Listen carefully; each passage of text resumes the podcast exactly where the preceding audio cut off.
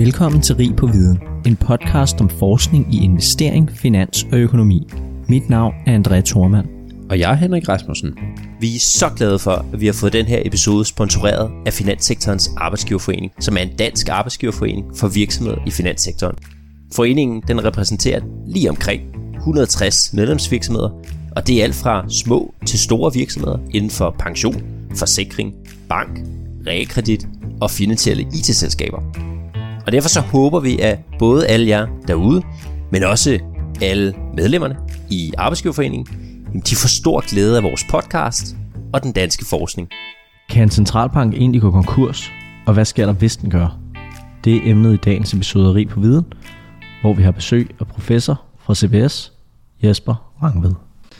Tusind tak, fordi du være med igen, Jesper. Jamen selv tak for invitationen igen. Igen, igen. Der er efterhånden mange episoder, øh, og jeg har det som om, at hver gang vi taler sammen, så kommer du lige 3-4 måneder imellem, og så er der sket sindssygt meget øh, nyt. Og det er der jo også, øh, siden sidst i hvert fald. Så det jeg tænker, vi starter med lidt med, det er sådan nogle generelle spørgsmål omkring økonomien, og så kan vi gå ind ned i, i detaljerne omkring emnet om en centralbank kan gå konkurs bagefter. Mm. Så, så først og fremmest et, et stort spørgsmål. Kommer vi ind i en recession i 2023? Det tror jeg stadigvæk, at vi gør. Øh, så det tror jeg. Øh, Der må du lige uddybe. Så. Ja, det er selvfølgelig nok. Jamen altså det man jo kan sige, det er jo, altså fundamentet for det hele, det er selvfølgelig de her meget voldsomme rentestigninger, som har været gennem 2022 og lidt i 2023, men selvfølgelig primært sidste år, som selvfølgelig kommer af de store inflationsstigninger. Og hele tanken med at hæve renten fra centralbankernes side, det er selvfølgelig, at man vil sænke den økonomiske aktivitet, for dermed at sænke inflationspresset. Og man har jo hævet renterne jo rigtig, rigtig, rigtig meget. Øh, og det, som der ligesom et eller andet sted måske har været lidt overraskende, jamen det er, at det ikke har haft så store effekter endnu jo netop på den økonomiske aktivitet. Altså arbejdsløsheden er stadig super lav rundt omkring, men inflationen er jo også, også stadig rigtig, rigtig høj rundt omkring. Og det der jo så ligesom er, det er jo ligesom, om man tror på, at de rentestigninger på et eller andet tidspunkt rent faktisk kommer til at slå igennem øh, på den økonomiske aktivitet, og, og det tror jeg altså, de gør. Og det jeg tror, det er jo, at når vi kommer sådan hen, ja, lidt senere på året, hen i efteråret, øh, og det kan også være, at vi skal lige ind i 24, ikke? Men, men altså sådan hen, når vi nu løber sådan hen af efteråret, så, så, så, så tror jeg, at det begynder øh, at, at slå igennem, og det er der selvfølgelig nogle årsager til. Ja, og hvor, hvorfor er det, det tager så lang tid? Øh, fordi vi har jo, så her der kommer der noget skuld med nogle banker og alt sådan noget, ikke? Men, men, men hvorfor går det så lang tid, før det sætter sig sådan i realøkonomien? Altså først skal renten jo vidderligt op, kan man sige, ikke? Og, og der går lidt tid der gennem 22. Øh, men så kan man jo sige, så skal det jo så forplante, når centralbankerne hæver renten, så er det jo de renter, som de private banker møder. Det er dem, som centralbankernes renter betyder noget for direkte. Og det skal jo så forplante sig rundt omkring i systemet, det vil sige, at de private banker skal jo så hæve renterne på vores forbrugslån, på virksomhedslånene, så skal det jo så også slå igennem på, når virksomheden så rent faktisk laver nogle investeringer, når vi så overvejer, skal jeg købe det køleskab eller ej, øh, skal jeg gøre det, der skal renten jo først have en indvirkning på det. Så tager der endnu et stykke tid, før det faktisk slår igennem på vores boligrenter, og dermed, jamen, skal jeg så købe det hus eller ej, eller hvilken pris vil jeg betale for det hus. Så, så der går simpelthen bare jo noget tid.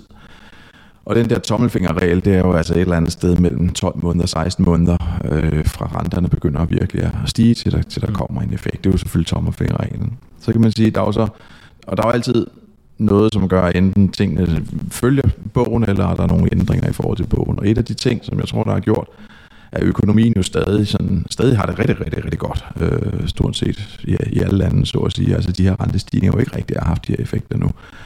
Det er jo det her med, jo, at der blev pumpet så ufattelig mange penge ud ud corona. Og det vil sige, at folk og husholdninger, de har jo faktisk haft rigtig mange penge på bankbogen. Altså mere konkret, så kan vi jo se opsparingskoderne og opsparingerne, de har været rigtig, rigtig høje. Og det betyder jo så, at hvis du siger, okay, nu stiger varmeregningen, fordi gasprisen stiger, nu stiger min boligregning, fordi øh, jeg har et variabelt forrentet lån, og det stiger, men hvis jeg har stadig rigtig mange penge på bankbogen, jamen så betaler jeg bare.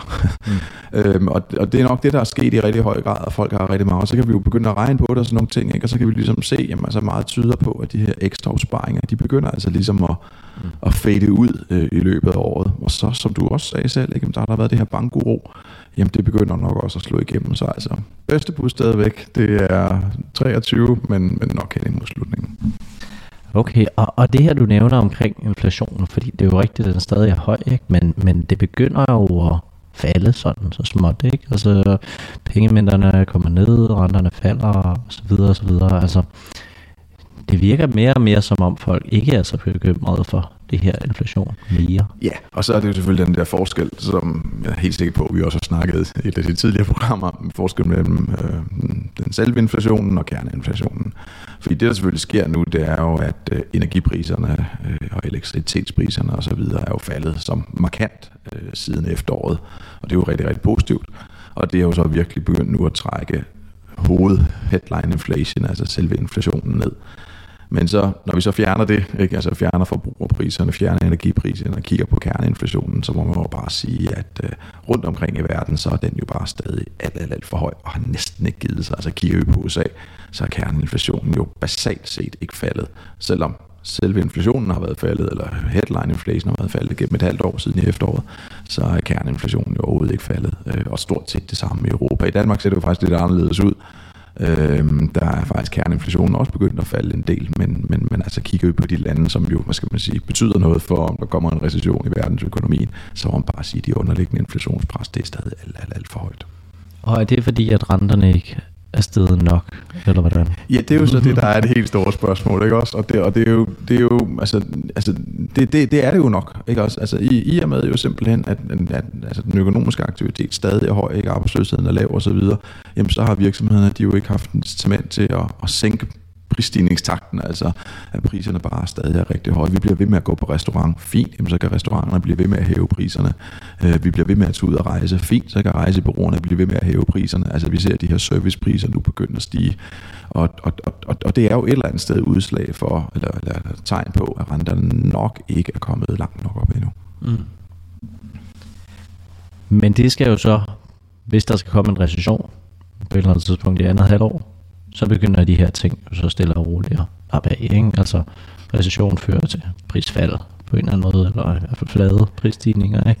Jo. Øh, og dermed kommer øh, inflationen gradvist ned. Ja, altså det er jo det, der er helt humlen i alt det her, ikke også? Og det, og det er jo så, altså det ville jo bare være så dejligt, hvis inflationen faldt af sig selv, øh, så vi kunne slippe for en recession, fordi ja, det ville jo bare være meget rart.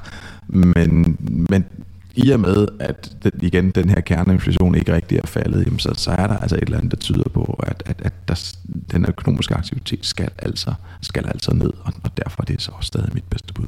Mm. Så vil jeg også gerne lige tale lidt øh, Europa, øh, som jo også er sådan lidt særligt ud hvor de selvfølgelig ikke har hævet renterne helt så meget som USA nu.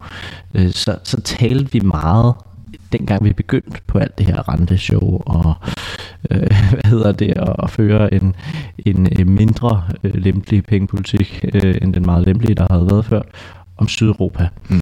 Øh, altså hvor følsomt det her var for at renterne skulle stige og nu er vi vel op på hvad er vi 3 3,25 eller sådan noget. Øh, det var vel noget hvis man havde sagt dengang renten kom op 3,25 så tror jeg folk havde været meget bekymrede for Sydeuropa. Men det har jo ikke rigtig givet sig, altså, eller nej. har det? Nej, det har det ikke. Nej, altså, og det, det, er jo helt, det er jo helt rigtigt. Ikke? Altså, altså de, selvfølgelig de italienske renter kørt op sammen med alle andre renter, men spændet, og det er jo det, der er det centrale her, altså rentespændet mellem de italienske renter og de tyske renter for eksempel, er jo faktisk faldet mm. øh, gennem 2022. Øh, så, så, så der er slet ikke sket den, ja, altså den, den bekymring, som, som jeg helt sikkert også havde på det tidspunkt, og jo rigtig mange havde selvfølgelig, øh, med at de italienske renter virkelig kunne komme ud og så at sige kontrol. De har den her kæmpe gæld, ikke? og når renten stiger, så bliver det mere dyrt at servicere den gæld, og, og det kunne så skabe sådan en negativ spiral, som vi så for eksempel under gældskrisen i 2012. Men, men det er jo ikke sket, det må man jo sige. Og, og det er jo og det er, jo, det er jo sådan set også rigtig positivt, ikke også? Øh, det, det er et eller andet sted også næsten lidt underligt, ikke også? Altså, fordi de har bare rigtig, rigtig, rigtig meget gæld, ikke også? Men omvendt må man jo så også sige, at de har jo fået en mere politisk stabil situation. Altså, altså selvom Meloni der jo måske er øh, højre radikal og så videre, så har hun jo faktisk vist sig at være en mere stabil politiker, og jo også med den økonomiske politik jo vist sig at være mere stabil en, øh, en, en, en, en, en, ja, de sidste, jeg ved ikke hvor mange italienske regeringer efterhånden. Ikke? Så det er selvfølgelig noget, der, der, der tæller positivt. Så er der jo også stadig de her kæmpe store hjælpepakker, altså de her EU-pakker her, som der jo stadig øh, altså, øh, overfører milliarder øh, af, af euro til, til Italien og, og andre lande, jo sådan set også til Danmark, men jo primært til de sydeuropæiske lande. Og ECB har jo også meget, meget klart meldt ud, at skulle der komme pres på renterne, jamen, så er vi klar til at, at, at gribe ind, øh, så der, så der ikke kommer de her fraktioner i eurozonen. Så, altså, så selvom et eller andet sted man, man havde frygtet, at den her rentestigning kunne komme, jamen, så, så må man jo sige, at den ikke har nok af, af de årsager. Ja, og, og, altså, og det er det, der er rigtig forvirrende. Ikke? Det er, at der er alle mulige andre mekanismer med hjælpepakker og øh, øh, løfter til specifikke lande om, øh, at man vil øh, redde dem uanset hvad og, og sådan noget. Ikke? Altså, er det i virkeligheden bare det, der gør, at vi ikke kan følge med i økonomien, som vi kender den fra lærebogen på en eller anden måde? Nå, altså det er, jo, det er jo derfor, jeg synes, at økonomi er så ufattelig spændende. Ikke? Det er jo selvfølgelig, fordi der er så mange ting, der påvirker det. Og det er selvfølgelig også det, der gør det rigtig, rigtig, rigtig svært naturligvis. Altså fordi der, det er jo alt, der påvirker. Det er jo geopolitik, det er energipolitik, øh, det er selvfølgelig de helt traditionelle politikker og finanspolitik øh, pengepolitik, og så er det jo folks. Hvad tror folk? Altså, altså tror du det ene, og tror du det andet? Investorerne, er de hysteriske kællinger, eller er de faktisk rationelle? Altså, og alt det der, det skal vi så lige koge sammen til at komme med et eller andet bud på øh, en renteudvikling eller inflationsudvikling. Og, og, og, og, og det er selvfølgelig det, der igen, synes jeg, både gør det svært, men selvfølgelig også det, der gør det interessant, fordi så mange ting øh, påvirker. Og nogle gange så kører tingene fuldstændig efter lærebogen.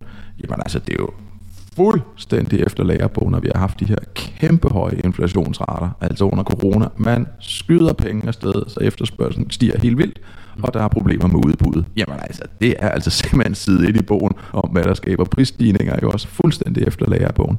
Mens der så er andre ting, som, som, som så har overrasket, ikke? altså blandt andet, at økonomien stadig har det så godt, og at de italienske renter eksempelvis har klaret øh, det her øh, rente stigninger, vi har haft generelt i Europa, egentlig også har klaret det fint sådan ude, ude på markederne, øh, så, så taler folk jo meget om forskellige former for landings.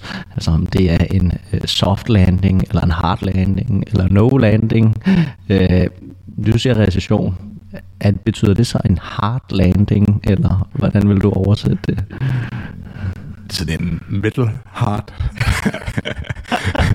Harder than soft, ikke? Så altså det, jeg tror, som er mit bud, og og også mange andres bud, det er en, en recession, men ikke en voldsom recession.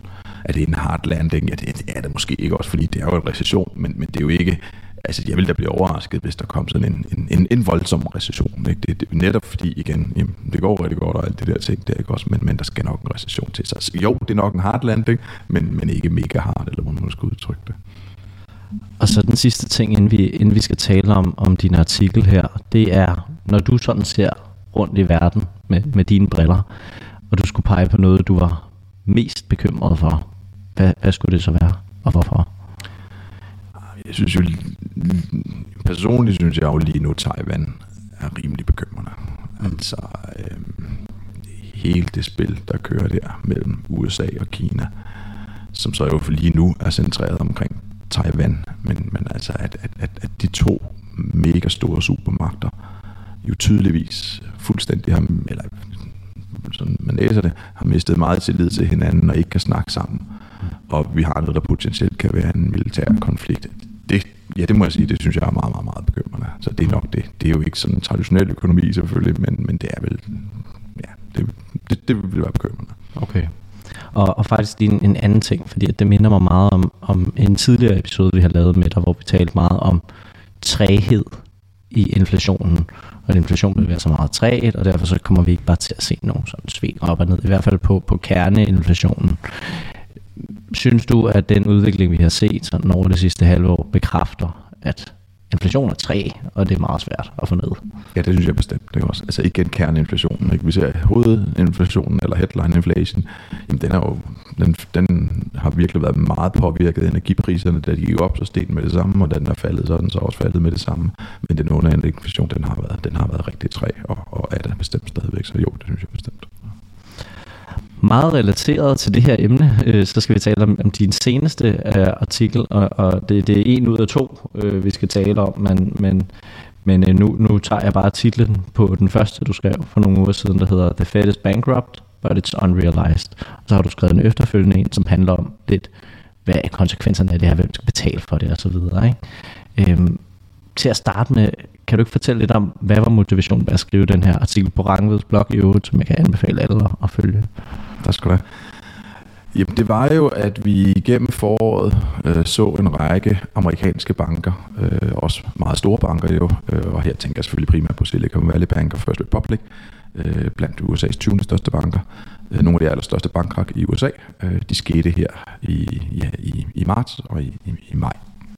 To meget store øh, Øh, bank ja, den, ene, den ene blev overtaget af myndighederne, den anden der blev altså, tvunget en fusion igennem mellem øh, First Republic og JP Morgan. Men de banker overlevede ikke. Og så var det, hvad var det så, der gjorde, at de banker, og så begyndte folk jo, og det har vi også lige snakket om, at det, er nok en, det kan være en medvirkende faktor til den recession, øh, som måske kommer her senere i året. Og folk begyndte jo der at snakke om, der jo ligefrem var tegn på, at det kunne være noget finanskrise, der kom igen, fordi det var så var meget, meget store banker. Det, det tror jeg ikke, det er. Eller, så det er fast først, men altså, der, der var en masse bekymringer om det. Og så tænker jeg, okay, hvad var det grundlæggende, der skete? Jamen det, der jo grundlæggende skete, det var, at især Silicon Valley, men, men også First Republic, havde investeret rigtig meget i amerikanske øh, statsobligationer, realkreditobligationer og, og kommune, de der munis øh, kommuner, eller hvad man nu vil kalde dem, øh, obligationer. Mm. Og øh, da så renten stiger, jamen så falder obligationerne jo i værdi. Øh, de har så de her tab på deres meget store obligationsbeholdninger. Og, der, så, jamen, og der er det jo så sådan den måde, det kørte på i USA regnskabsmæssigt, så var det jo sådan, at den øh, rapporterede man til hold to maturity.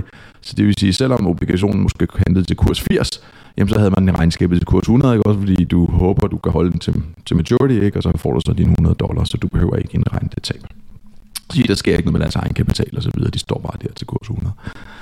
Det der så selvfølgelig sker, det er jo så også, at begynder investorerne at blive nervøse, de begynder at trække deres penge ud, og så bliver bankerne nødt til at sælge de her obligationer jo for at kunne få penge, øh, så de kan betale øh, indskyderne, som vil hæve pengene. Og der er jo så, og så skal du så sælge obligationen, så skal du selvfølgelig sælge den til markedskurs, ikke? og nu er det altså kun kurs 80 værd, ikke også, og så får du så nogle tab. Så, så grundlæggende set kan man sige et eller andet sted, det der skaber de her bankkak, det er i hvert fald meget, meget, meget høj grad de her, de her store tab på deres obligationsbeholdninger. Mm. Så synes jeg faktisk, om okay, kunne vi så tænke lidt videre over, fordi det var meget skægt, fordi verdens indiskutabelt allerstørste bank, jamen det er jo The Fed. Og de har jo netop ligget og købt øh, utrolig mange obligationer her siden finanskrisen gennem alle deres forskellige kvantitative lempelseprogrammer. Øh, så de kom øh, startede i 2010, ikke? og så blev det jo også virkelig stort under pandemien. Ikke? Så de har købt alle de obligationer og tænkt, gud, jamen de må da også have haft en masse tab. Og, så, ja, så, ikke? Og så, så begynder man at sætte sig ind i det og finde tallene og sådan noget, ikke? og så skriver man så en blog om det her, om at Fed har simpelthen jo haft nogle, den amerikanske centralbank har haft nogle, nogle kæmpe tab på deres obligationsbeholdninger. Det er der også mange andre centralbanker, der har. Det er jo det, der gør det sjovt. Den svenske centralbank, den engelske centralbank, den svejsiske centralbank. Og det, der gjorde det rigtig sjovt, det er jo så at fuldstændig ligesom de her private banker, Silicon Valley og First Republic, så har Fed, de, øh, de rapporterer også til hold to maturity. Så de siger så også ligesom, okay, når man så obligationen er 100 værd, selvom de også kun har 80 værd. Men at Fed rapporterer det til hold to maturity, altså de forventer at holde dem til obligationen udløber, det er vel også helt fair.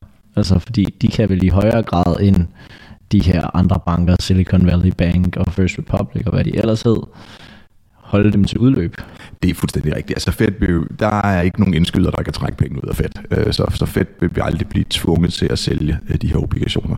Men du kan sige, der er jo efter øh, Silicon Valley og First Republic, er der jo startet en meget stor diskussion blandt, øh, blandt myndighederne, ikke også øh, centralbanker og finanstilsyn om det her med, at et regnskab øh, viser hvad skal man sige, en teoretisk værdi, eller en, en regnskabsmæssig værdi, og ikke markedsværdien. Øh, hvornår er det okay, hvornår er det ikke okay, er, er der jo startet en meget stor diskussion om nu. Der, der er bestemt nogle gange, det er helt ok, og det kan være til regnskabsmæssig værdi, men der er andre gange, hvor, hvor det ikke kan.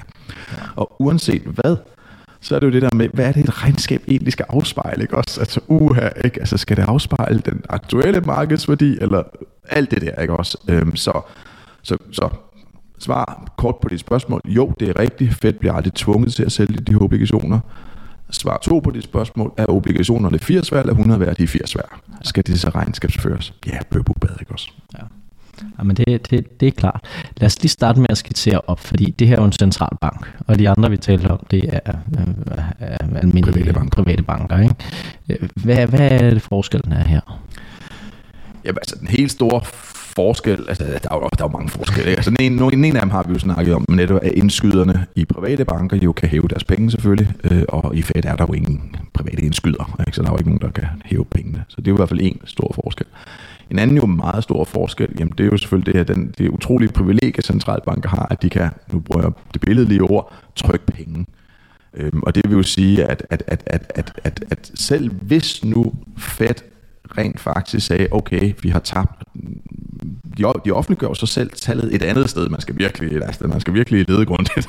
Men ved leder man grundigt, så kan man se, at tabet nu er på 1.100 milliarder dollar, noget af den stil på Fed. Så man siger, selv hvis de nu så rapporterede det tab, så er deres egenkapital jo væk.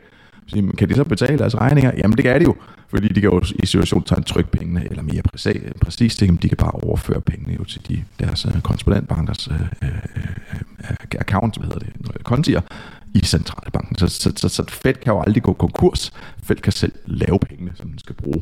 Og det er selvfølgelig i modsætning til andre private banker, ikke? Altså mangler pengene, altså mangler pengene, og så er man jo altså konkurs. Og det, det, det giver god mening, men først, først det her i forhold til indskydere, fordi at, og det er nok bare et afklarende spørgsmål, fordi at banker kan sætte penge ind på en nationalbankkonto, ikke? Øh, og få en eller anden rente. Øh, så der er vel en eller anden form for indskyder. Ja, det er, helt, det er selvfølgelig rigtigt. Altså, det, er jo, altså, det, det er rigtigt nok, André, ikke også? Altså, at centralbanker er private bankers bank, ligesom private banker er vores, vores altså virksomheder og husholdningernes bank. Så, så det er jo selvfølgelig rigtigt. Private banker kan også trække pengene ud af centralbanken, og, den, og, den, og det vil sige, at private banker trækker pengene ud af fedt, øh, hvis, hvis de ville det. Men du kan sige, der er ikke nogen grund til at gøre det. Altså grunden til, vi har det, vi kalder bankruns jo i private banker, det er jo, det er jo netop, når vi bliver bekymret for, om den private bank har penge nok til at kunne udbetale vores penge. Altså det banker jo gør, øh, det kan man sige, det er, at de modtager jo indskud, som jo typisk er kort forrentet selvfølgelig, øh, og, og kort fristet, det vil sige, at vi netop kan hæve dem lige så snart vi vil. Og den placerer de jo, låner de jo så ud til nogle langfægtede, til sigtede projekter. Øh, vi låner til at købe et hus, en virksomhed låner til at lave investeringer. Så der er selvfølgelig det her varighedsmismatch, øh, som man siger, det fantastiske banker gør, det er, at de laver varighedstransformation, laver korte penge om til lange penge, som kan investeres. Men det skaber også den her varighedsrisiko selvfølgelig, altså er aktiverne langsigtede og passiverne er kortsigtede. Og der kan man sige, den, den, den frygt er der jo bare ikke med en centralbank, fordi de private banker ved jo netop, at skulle Fed realisere de her tab, jamen så trykker de bare pengene. Mm. så Fed, Fed skal nok give det, de private banker har stående i centralbanken, fordi det kan, det kan de altid honorere, i modsætning til de private banker, hvor vi, du og jeg, kan være i tvivl om, om de kan honorere det, vi har stående. Hvis der nu teoretisk set, øh, man var boet i sådan et sværere økonomisk land, sådan noget Argentina eller lignende, øh, og var privatbank, der havde indskud øh, hos en nationalbankkonto, øh, og man var nervøs for, hvorvidt at, hvad kan man sige, staten kunne gå konkurs, eller centralbanken kunne gå konkurs, så kunne der vel være en risiko for, eller vil det gøre noget, hvis alle bankerne så trækker deres indskud øh, fra øh, den nationalbank? Forstår du, hvor jeg vil hen? Ja, det, det forstår jeg hvor hen, men, men du siger, altså det, det vil de ikke gøre, altså typisk, fordi at de, altså hvis nu er i Argentina, det er jo peso, den argentinske peso, der er mm, valutaen der, og der er de argentinske banker, og de har så nogle penge stående i centralbanken. De penge skal de nok få, så at sige. Det, der selvfølgelig er problemet, det er jo, at det kan godt være, at du får 100 peso, men inflationen er 100%, ikke også? Så de peso er ikke noget værd. Altså det, jeg selvfølgelig prøver at sige, det er, at, at, at hvis det, centralbanken kan have tab, øhm, så trykker den nogle flere penge for at dække det tab. Men hvis den trykker rigtig, rigtig mange penge, så kommer der jo inflation.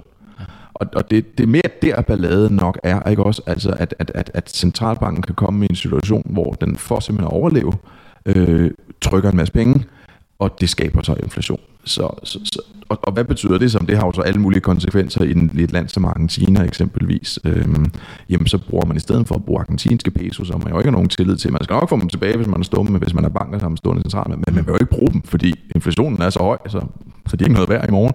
Jamen så begynder man så at bruge dollar og euro i stedet for, ikke også, så man får sådan et dual currency system, ikke også, som, som, som så er problemet. Ikke? Men, men, men typisk, så, så, så overlever centralbanken, men, men det, den producerer af pengene, de bliver jo så bare ikke noget værd. Historisk set mener jeg, at du skriver, har der været centralbanker, har gået konkurs. Ja, altså, altså det, men det de så gør, det er, altså, det er jo det, der er, det er, jo det, der er så på en eller anden måde fascinerende og mærkeligt, ja, det er ikke også. Så de kan jo sådan set miste deres egen kapital. De har bank, centralbanker har egen kapital. Det er der sådan set også, det er der, nå, nu skal jeg passe på et sidespring her, men der er, det var bare, jeg vil sige et meget kort sidespring. Der er sådan set diskussion om overhovedet, at centralbanker overhovedet behøver at have egen kapital. Fordi nu har de så noget egen kapital, så forsvinder den så, fordi centralbanken har tab. En centralbank er jo også, den er jo ejet af regeringen, og centralbanken skal jo være der, fordi det bliver jo nødt til, regeringen skal jo bruge penge til at betale for ting og sager. Det der sker, når en centralbank går konkurs, jamen så rekapitaliserer regeringen bare centralbanken, og hvor får regeringen så pengene til at rekapitalisere centralbanken fra? Jamen det får den jo fra, at centralbanken trykker pengene. så sådan en cirkel, du ved, ikke også? Så, altså, så, så de, går, de går på papiret konkurs, så bliver det rekapitaliseret, de penge, de går over fra centralbanken selv de her uger... Der er selvfølgelig ude i nogle lande, undskyld, der. Ja, ja, ja. Der er selvfølgelig ude i nogle lande, som, som ikke er ECB og Fed og sådan noget, ikke? Men, men, men, men afrikanske stater har, har prøvet det også. Og ja, ja. ja. men det er jo derfor, det er, det er jo så bemærkelsesværdigt, fordi du skriver det ikke og gør opmærksom på det her øh, problem for, for Fed, ikke? Øh, fordi jeg kan ikke lade være med at tænke, altså skal vi på en eller anden måde være nervøse for, at Fed vil trykke nogle penge som konsekvens øh, og dække det her tab? Eller altså, er, der, er der noget, der ligesom kommer til at opstå på baggrund af det her, eller er det bare nogle tab, som er der? Nej, nej altså, altså, det, det, altså man kan sige, de tabene på obligationerne, mm. øh, de cirka 1.100, som hvor markedsværdien er 1.100 milliarder dollar. dollar. Ja, et, ja faktisk. Godt, tak skal du have. hvor, hvor markedsværdien er 1.100 milliarder dollar lavere end den, den bogførte værdi det tab vil jo aldrig blive realiseret. Øhm, det det så er, det er, at Fed har så også nogle andre tab, øh, hvor de rent faktisk taber penge, altså virkelig taber penge. Øhm, og der, der kan man sige, det, det, det kan sådan set godt potentielt udgøre et problem. Så hvad kan man sige, hvad, der, er ligesom, der kan være to problemstillinger, kan man sige. Det ene, lad os nu sige, at, at Fed så en eller anden årsag, som vi ikke rigtig kan forestille os, rent faktisk realiserede de her tab. Hvis de begyndte at sælge de her obligationer, hvorfor skulle de det, ved jeg ikke. Men altså, lad os nu bare få en lege med tanken, at de rent faktisk realiserer tabet. Så kan man sige, okay, der kan så ske to ting. Den ene er jo ligesom, de kan trykke de der penge, mm. øh, skabe noget øh, pengeomløb. Det andet, som sagt, det er, hvis de først må gå hen til Capitol Hill og sige, I bliver nødt til at rekapitalisere os så kan man sige, jamen altså, og nu er vi jo lidt over i noget politisk økonomi, ikke også? Fordi der må man jo sige, at jeg kan sagtens, og det kan du sikkert også forestille dig, rameskridet i USA, hvis Fed kommer hen til regeringen og siger, vi har tabt så mange penge, at nu må I rekapitalisere os vi har jo lige haft debt ceiling, eller gældsloft-debatten, ikke, som jo et eller andet sted er helt vanvittigt simpelthen. Ikke? Også, der er ingen grund til at have sådan en gældsloft et eller andet sted. Men, men viser jo selvfølgelig, hvor, hvor, hvor patent det politiske system er i USA. Så tænk nu, ja, jeg, jeg kan i hvert fald sagtens forestille mig en masse politikere, der vil stille sig op og råbe og skrige, hvis Fed måtte komme med hatten i hånden og sige, vi har behov for penge fra regeringen, fordi nu har vi altså tabt alle pengene, så vil man nok sige, sikke nogle klovne ja, og sådan noget. Så, så, så, så, der, så, så det, det, det, der kan ske, det er, at det kan tro centralbankens afhængighed hvis den ligesom bliver nødt til at stå med hatten i hånden over for politikere. Og det er måske, altså det, er måske det mest grælde, der kan ske et eller andet mm. sted, og det, og det er jo også grældt nok selvfølgelig. Men er det, er det på nogen måde realistisk? Altså er de her tab store nok til, at det er et potentielt scenarie? Nej, det er de ikke. Okay. Altså, øh, det, det, det, det, det, det er det ikke. Øh, det, det, det, det, altså, jeg vil sige det, nej, det tror jeg ikke, det er. Altså, øh, I hvert fald, du kan sige det på den, lad os nu sige, at det vi snakkede om i første halvdel af den her udsendelse, at øh, der kommer den der recession, og man får inflationen ned, så tror jeg ikke det er. Og grunden til, at jeg siger det, det er, at det, der skaber balladen nu, det er jo, at de har købt alle de her frygtelig mange obligationer under alle de her kvantitative lempelseprogrammer øh, efter finanskrisen. Og nu, der er Fed Funds Rate, den er jo så blevet hævet netop for at dæmpe inflationen. Mm. Og så længe Fed Funds Rate er meget højere, altså centralbankens styringsrente, er meget højere end den rente, som Fed får på de obligationer, den har købt, så er Fed tab. Så det vil sige, hvis nu der, hvis vi har en lang periode, hvor Fed Funds Rate er rigtig høj, og de stadig har jo de her obligationer, som jo er nogle 10-årige obligationer og sådan noget forskelligt, jeg tror varigheden er 7 år, tror jeg, eller noget af den stil i gennemsnit, hvis, det, hvis den periode bliver ved, så, så vil tabene blive rigtig store. Men hvis vi håber og tror, at inflationen kommer ned, og de så kan sænke styringsrenten her om et år eller to, så tror jeg ikke, at tabene bliver så store, at det bliver, hvad skal man sige, et fundamentalt problem for Fed. Nej, fordi så vil renten jo øh, så begynde på et eller andet tidspunkt at falde ja. igen, og ja. så vil værdien af de her obligationer stige, og så præcis. vil mangoen være mindre. Ikke? Lige præcis, lige ja. præcis. Øhm, okay, men du skriver i din uh, nummer to artikel, ja. At det kan have rigtige konsekvenser, yes. det her. Hvad er det, de ja, kan være, det og hvorfor så, tror du det? Ja, men altså, det er jo lidt forvirrende det her. Det er også derfor, det er skideskægt. Ikke? Altså, okay, så Fed har alle de her mange, mange tab nu, ikke? Også milliarder, milliarder, milliarder, ikke? Og okay, de kan gøre forskellige tricks, ikke også? Altså, de kan lade være med at rapportere dem til markedsværdi, de kan selv skabe reserver, øh, de kan faktisk, den måde det også fungerer på nu, det er, at når de så har et tab nu, altså et reelt tab, et realiseret tab, øh, som de jo altså igen har, fordi nu betaler banker 5%. Øh, de banker, der har penge stående i Fed, betaler de 5%, og de får måske kun halvanden eller 2% på obligationsbeholdning. Det er jo et reelt tab simpelthen lige nu og her. Du, så sådan er det. Men det Fed så bare gør, ikke? det er, at de, de laver simpelthen bare et nyt aktiv på deres balance, hvor de siger, okay, vi har tabt nogle penge, jamen dem skylder vi så regeringen. Ikke? Så, det, det er skide smart, ikke? Men det der er pointen jo, det er, at normalt så har centralbanker jo profit. Så altså normalt har øh, centralbanker profit, og, og det har Fed jo altså haft de sidste, ja, jeg ved ikke hvor længe, ikke også? De har jo profit normalt, øh, fordi øh, altså den rente, de får fra bankerne, når de låner bankerne penge, er renten er højere end den rente, som de giver bankerne, når bankerne putter penge i centralbanken. Så de laver profit normalt. Mm. Det, der også er problemet nu, det er, nu laver de ikke profit, nu laver de tab. Og det vil jo så sige, at, og, og hvad sker der, når en centralbank laver profit? Jamen det, der sker, når en centralbank laver profit, det er, at den er jo ejet af staten. Og det vil sige, at den profit, som centralbanken laver, den overfører den simpelthen til statens konto, altså bliver en del af, af, af det offentlige budget simpelthen. Øhm, og sådan er det i Danmark, og sådan er det i alle andre lande, og sådan er det også i USA. Nu er balladen så, at nu er der tab. Og det vil jo sige, at regeringen får ikke de penge, som den jo normalt får. Altså, ja, den får altid nogle penge fra centralbankerne, men det får den jo så ikke nu. Og nu er jeg jo så i den her blog her, der er jeg jo så kigget på USA, ikke også, fordi det er der, det hele er størst, og det sjoveste og alt sådan noget, ikke også. Og, og altså de sidste, øh, altså de sidste 10 år, jamen der har den profit, som Fed har skabt, den har svaret, eller den har udgjort 3% af regeringens samlede indtægter. Så kan man jo sige, 3% er det meget eller lidt eller sådan noget. Jamen det er altså omkring 100 milliarder dollar. Ikke? Det, det er 3%. De 3% skal regeringen ud og finde et andet sted nu. Altså, der plejer at komme 3% af vores totale indtægter, de plejer bare at komme fra centralbanken. Det gør de nu ikke længere. Hvor fanden skal jeg finde dem hen? Og hvad svarer 3 procent til? Ja, det svarer til 100 milliarder. 100, 100 milliarder dollar. dollar. Altså lidt, lidt, lidt, præcis, lidt over 100 milliarder dollar. Og det danske offentlige budget, det er på 1000 milliarder, milliarder kroner, ja, kroner, øh, kroner og det er så lidt under, ikke? Så det nærmest det, ja, 30 procent mindre end det hele danske budget. Præcis, præcis. Lige præcis, lige præcis ikke? Og de, de penge mangler jo i kassen nu. Og det vil sige, der skal regeringen, den skal jo enten skal den jo sige, jamen, så må jeg jo hæve skatterne, det er vist ikke skide populært i USA. Enten så må, så, så må jeg sænke udgifterne, det er heller ikke skide populært. Ergo, problem. Og, og, og det er jo så det ikke også, det vil sige, det er jo ikke sådan, vi kan sidde, at der er alt det her teknik her, og alt det her bogholderi og alt det der og sådan noget, men, men lige nu, der er det altså sådan, at, at, at, at, at den amerikanske regering om året plejer at få over 100 milliarder dollar. Det gør den ikke nu. Hvor skal den finde de penge?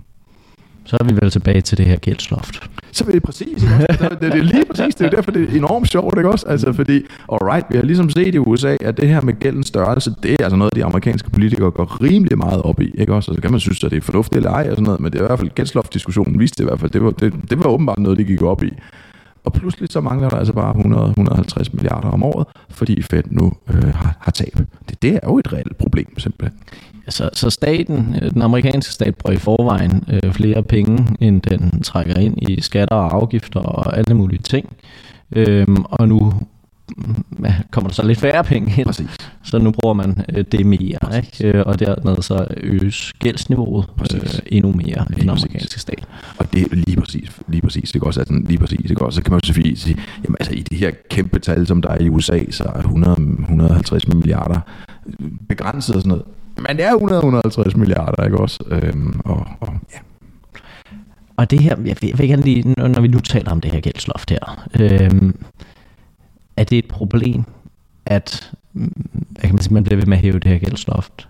Eller, altså, vi, kender, vi, jo, vi kommer jo fra et land, hvor at der er ret godt god balance mellem indtægter og udgifter, øh, og man har nogle krav selvfølgelig også øh, forankret i EU, om at der skal være balance i, i budgetterne. Øh, det er lidt anderledes i USA, virker det til, ikke? Øh, på en eller anden måde. Eller man bliver i hvert fald ved med at skrue øh, på de der regler. Hvad, hvad tænker du om det? Nå, men jeg synes, det er helt sindssygt. Altså, altså, jeg synes, det er jo helt sindssygt, at du har et nominelt gældsloft. Altså, et, det er jo ikke sindssygt, synes jeg, at du har begrænsninger på gælden. Altså det, det, det, det synes jeg, eller at man, man tænker over, hvor, mange, hvor meget stor gæld vi har, ikke? Det, det synes jeg giver jo utrolig god mening. Mm. Og derfor, at man har noget indikatorer eller lofter, eller hvad man nu vil kalde dem, ikke, som relaterer sig som en andel af økonomien, som du siger i EU, det har man så selvfølgelig også droppet, ikke også? Men princippet har vi i Maastricht-traktaten noget, der hedder 60% af BNP, ikke også? Øh, det er der vist rimelig mange lande, der har væsentligt over det, ikke også? Men altså, du har et eller andet tal, det kan være 60% af BNP, det kan være 80, det kan være 100, det, men altså, altså, du har et eller andet tal, som siger i forhold til økonomiens størrelse, så er det ikke så godt, hvis gælden er kæmpestor i forhold til det. Men det, der selvfølgelig er problemet i USA, det er, at, at gældsloftet er jo et beløb, det er et kroner og øre. Og det vil jo sige, at når du har økonomisk vækst, hvad vi jo heldigvis har, jamen så hvis gælden er en konstant andel af den økonomi, der er, jamen så stiger gælden også i kroner og øre eller i dollar. Og derfor er et nominelt gældsloft jo en, en, en mærkelig diskussion simpelthen. Ikke også? Så det er sådan, den ene dimension af det, ikke? og den anden dimension af det er det, at der hvor du skal overveje, hvad, hvad gælden nu er, Jamen det er selvfølgelig, når du har de årlige, lad os kalde dem finanslovsforhandlinger, ikke også? Altså, hvor meget skal vi opkræve i skat i år, ikke? Hvor meget skal vi bruge i udgifter i år? Og ligesom når man har lagt det fast, jamen, så kommer der jo ligesom en helt naturlig konsekvens for gælden, ikke også? Eller underskud, eller overskud, og dermed gælden, ikke også? Og så skal man jo ikke, ligesom, når vi har besluttet, vi har så mange skatter, vi har så mange udgifter, ja, så udvikler gælden sig jo bare over tid, ikke også? Altså, og så skal man jo ikke endnu en gang sige, okay, nu må vi have diskussionen en gang til den diskussion, vi egentlig har haft, hvor vi er blevet enige om, hvor stort underskud skal være, den tager vi lige en gang til. Så, så diskussionen, synes jeg er helt grundlæggende noget mærkeligt noget. Ja, um, det kan jeg godt til, men hvad hvis man anskuer den amerikanske gæld relativt til den amerikanske økonomi? Altså er der så noget at være bekymret for? Fordi... Jamen det er der jo, den er jo rigtig stor, ikke? Også ja. gælden er jo rigtig stor, ikke? Altså, ja, den er rigtig stor, den er over 100% af BNP, ikke? Så det, den, er, den er rigtig stor, ikke også? Men det der selvfølgelig bliver sådan, også sådan lidt sjovt, ikke også, i det her, ikke også? Nu er det jo så republikanerne, ikke, som himlede op, ikke også? Altså om, at uh, nu må vi jo virkelig ikke hæve gældsloftet, fordi nu må vi put a break on the debt, og pas nu på, at vi ikke bruger for mange penge og sådan noget, ikke også? Altså 25 procent af den gæld, der er i USA, den er jo skabt under Trump, ikke? Altså, så på fire år, ikke, så fik han lige skabt, altså, så det er jo sådan lidt, ikke, at der går bare, det er jo bare, der går total politik i det i USA, simpelthen, ikke også? Og der, derfor er den gældsloft jo en lidt mærkelig diskussion. Man fokuserer på et tal, i stedet for selvfølgelig at fokusere på, jamen, altså, hvad er det for nogle skatter, vi skal opkræve, hvad er det for nogle udgifter, vi vil have, militære udgifter, sociale udgifter, hvad ved jeg ikke også, er det den type skat, er det indkomstskat, er det formueskat, er det what do I know, ikke? Det, det, er jo, det er jo de reelle diskussioner, ikke også, og så kommer der et beløb ud i den anden ende, og det er vel ikke det, der er det interessante. Nej, men jeg kan godt se et, et absolut tal øh, af vanvid, ikke? Altså, øh, ja, det er det, altså. og så videre. Men, men, men det relativt er vel stadig problematisk, øh, som du siger, ikke? Jo, jo. Altså, altså, Hvad er med de rentestigninger? Altså, så, de, Nå, men altså helt, altså, mener, altså, altså, altså, USA har jo et meget stort problem med, at man ikke tager fat grundlæggende om, at man nu har haft offentlige underskud i, jeg ved ikke hvor mange år, og der kun er udsigt til, at de offentlige underskud bliver endnu større. Det, det er jo et meget, meget, meget, meget, meget fundamentalt problem øh, i amerikansk økonomi og i amerikansk politik, at man ikke, altså, at man ikke tager hånd om social security og så videre, ikke også? Altså, at, at man bare har de her kæmpe, kæmpe, kæmpe underskud, så langt året rækker, som ikke er holdbart. Og den diskussion tager man ikke, men så i stedet for tager man en diskussion om et eller andet tal. Ikke også? Altså, det er jo, det, det er, det, er, det er lidt underligt, synes jeg. Men som økonom er der ikke noget sådan, hvad, hvad, øh, du, du er ikke bekymret, du ryster ikke på hånden over, at øh, det, det, øh, verdens største økonomi har så meget gæld, og renterne er himlet op, og altså, alle sådan nogle effekter af det.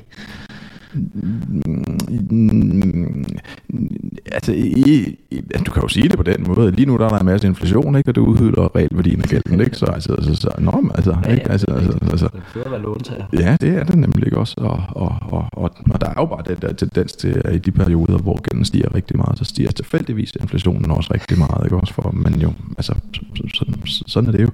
Så man kan sige, lige nu der bliver realt set jo gælden egentlig betale af, men, men, men altså, jeg vil sige, altså det, det, der er jo ingen af os, der ved, og, og det økonomer tænker jo, altså det, det, har været, det er meget svært for økonomer at sige, at det, når gælden bliver så og så stor i forhold til BNP igen, mm. altså når, i forhold ligesom økonomien, hvad, hvad er der ligesom et trigger point, hvornår det ligesom, det gør rigtig, rigtig, rigtig ondt, og det har man jo kigget meget på, og det, det, det, det, det er jo svært at sige, ikke? Også, vi er selvfølgelig alle sammen enige om, at, at det kan blive for meget, og nogle gange kan det skabe nogle rigtig uheldige dynamikker, altså Italien 2012, som vi snakkede om, ikke? Altså, hvor investorerne mister tillid, og i Grækenland, altså, så, så det kan selvfølgelig være alt for meget.